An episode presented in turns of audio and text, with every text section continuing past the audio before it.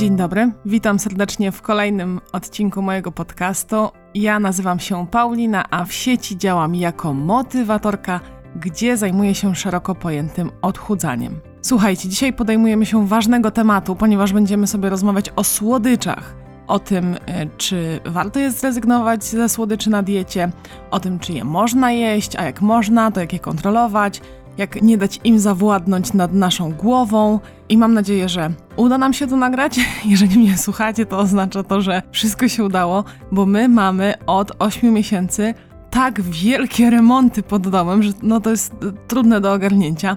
I w ostatnich dniach znowu część tych robót dzieje się pod naszymi oknami, więc jeżeli zaraz usłyszę jakieś wiertła do jądra ziemi, to oznacza to, że nici z nagrywania. Także nie przedłużając, słuchajcie, pogadajmy o słodyczach i trzymajmy wszyscy kciuki, żeby to dzisiaj wyszło. Zapraszam.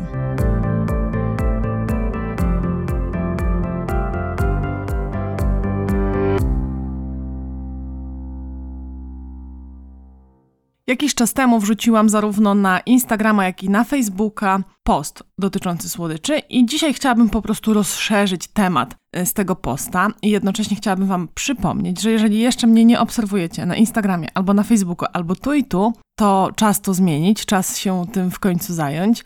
E, no i zapraszam Was też do tego posta, co ja Wam będę dużo mówić. Moje posty to jest taka piguła porad albo piguła wiedzy.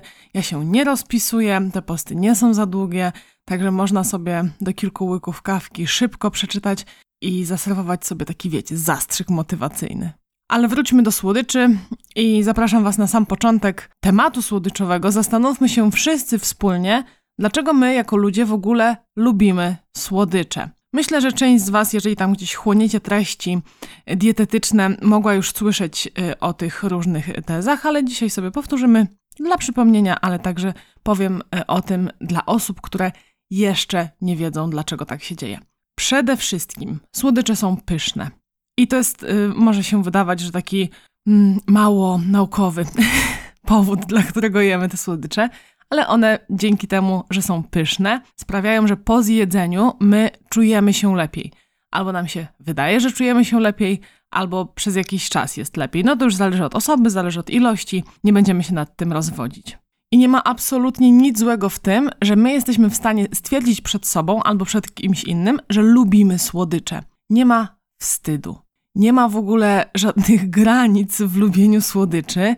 Można lubić słodycze, nawet jeżeli się ma nadwagę. Można lubić słodycze także, jeżeli ma się otyłość. Nie ma w tym nic wstydliwego i każda osoba o każdym rozmiarze ma pełne prawo lubić zjeść coś słodkiego.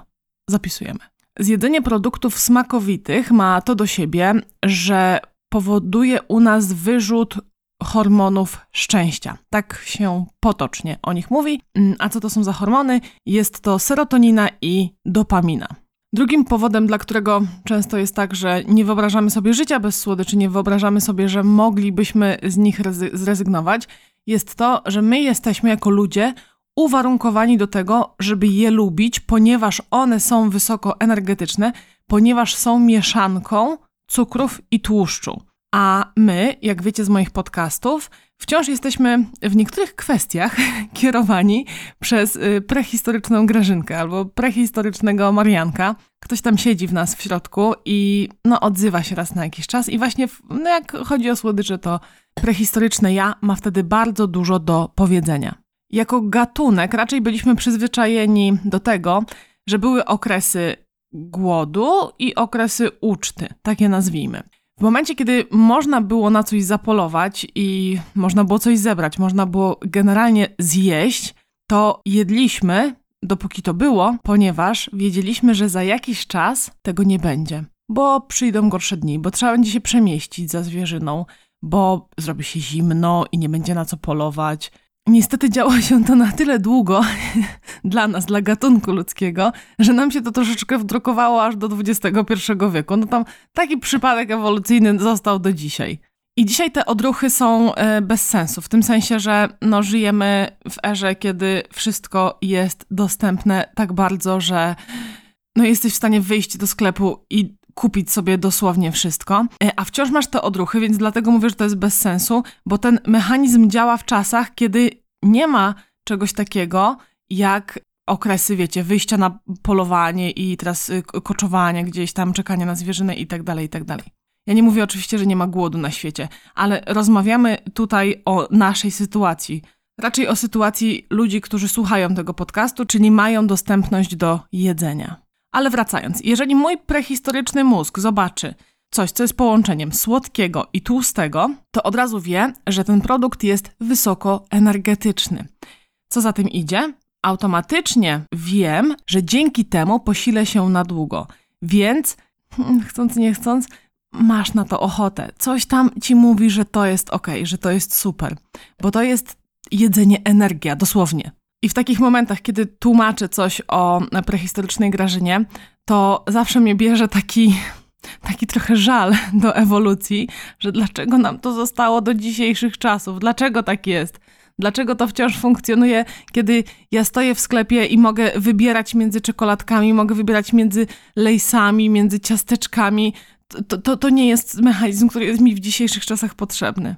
No ale trudno, no, z tym trzeba żyć. A świadomość, świadomość tego, może nie problemu, no, tego zjawiska, pomaga człowiekowi w zrozumieniu tego, jak on się czuje w momencie, kiedy widzi słodycze, jak on się czuje w momencie, kiedy idzie na zakupy. I czasami takie racjonalne wytłumaczenie sobie tego, e, skąd wzięło się takie uczucie, że ty musisz to zjeść, że to jest super, że musisz zjeść do końca, może pomóc, po prostu może pomóc człowiekowi w zrozumieniu samego siebie i pomóc mu w walce z nawykiem, który na przykład chce wyeliminować, bo jest on dla niego zły bo na przykład codziennie je słodycze w bardzo dużej ilości, a to już jest niezdrowe. A skoro wspomniałam e, o nawykach, to to jest też bardzo, bardzo ważna kwestia w temacie słodyczy, żeby się też tutaj zastanowić, czy jedzenie słodkich rzeczy nie jest naszym nawykiem, który został wypracowany gdzieś tam w dzieciństwie albo na przestrzeni ostatnich lat, czy tam kilkunastu lat. Czy nie jesteśmy tymi ludźmi, którzy jako dzieci zawsze po obiedzie dostawały deserek?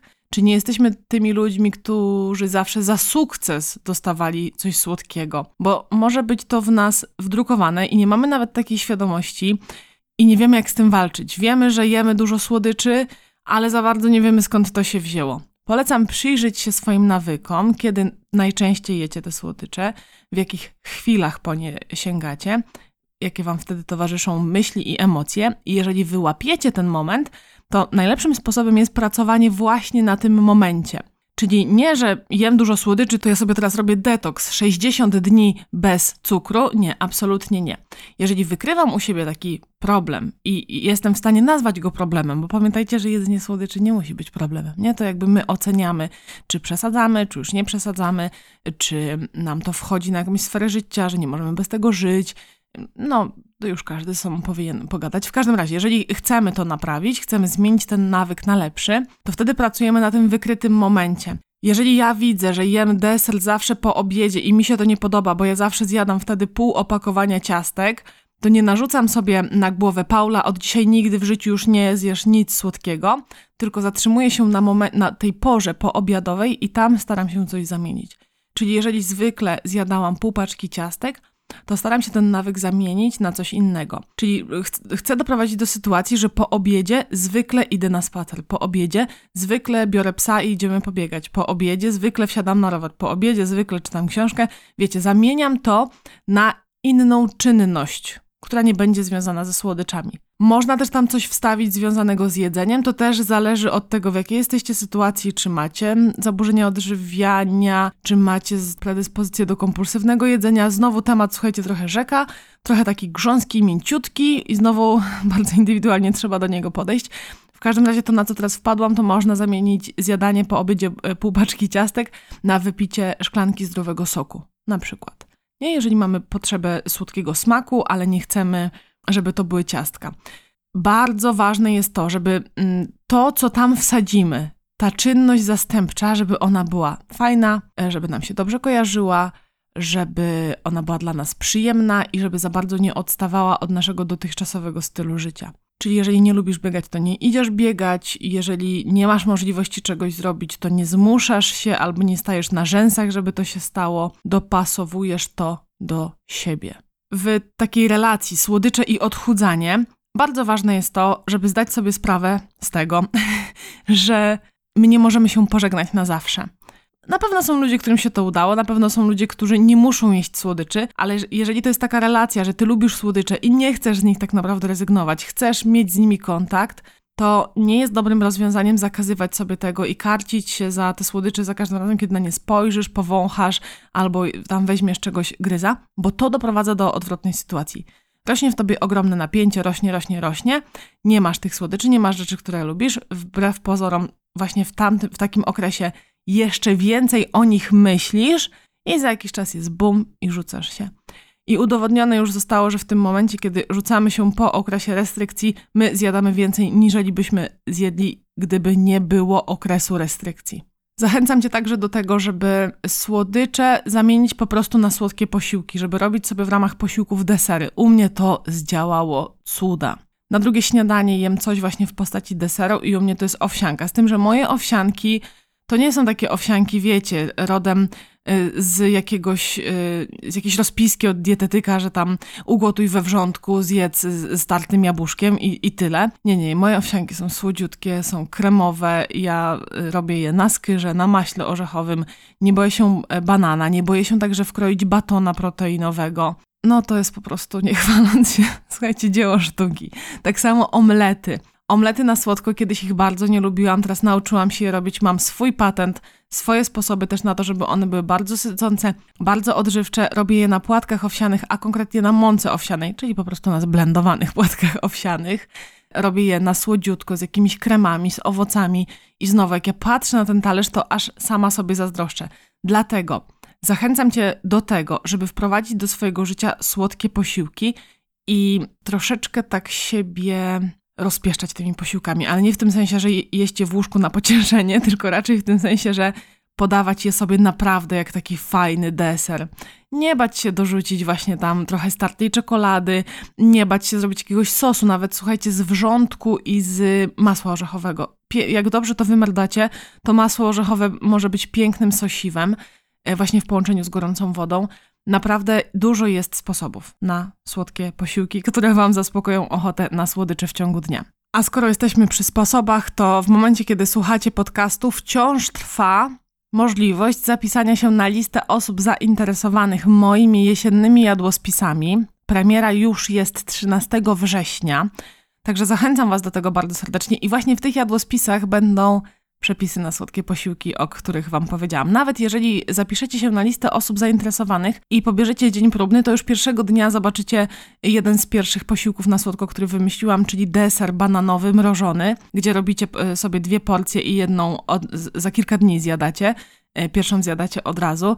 No naprawdę, uważam, że ten jadłospis bardzo będzie spełniać takie ochoty, które często przychodzą jesienią, nie ma co ukrywać. Takie ochoty na posiłki e, cieplutkie, słodziutkie, takie, które są w stanie zaspokoić jednocześnie i prawdziwy głód, prawdziwy głód, który przychodzi przy posiłkach i właśnie ochotę na coś słodkiego. Także zapraszam Was do opisu, zapisujcie się na listę osób zainteresowanych, żeby nie przegapić premiery i nie przegapić promocji towarzyszącej tej premierze. A ja tymczasem będę kończyć. Nie wiem, czy już słyszycie, ale za oknem już jeździ koparka, także idealnie zmieściłam się.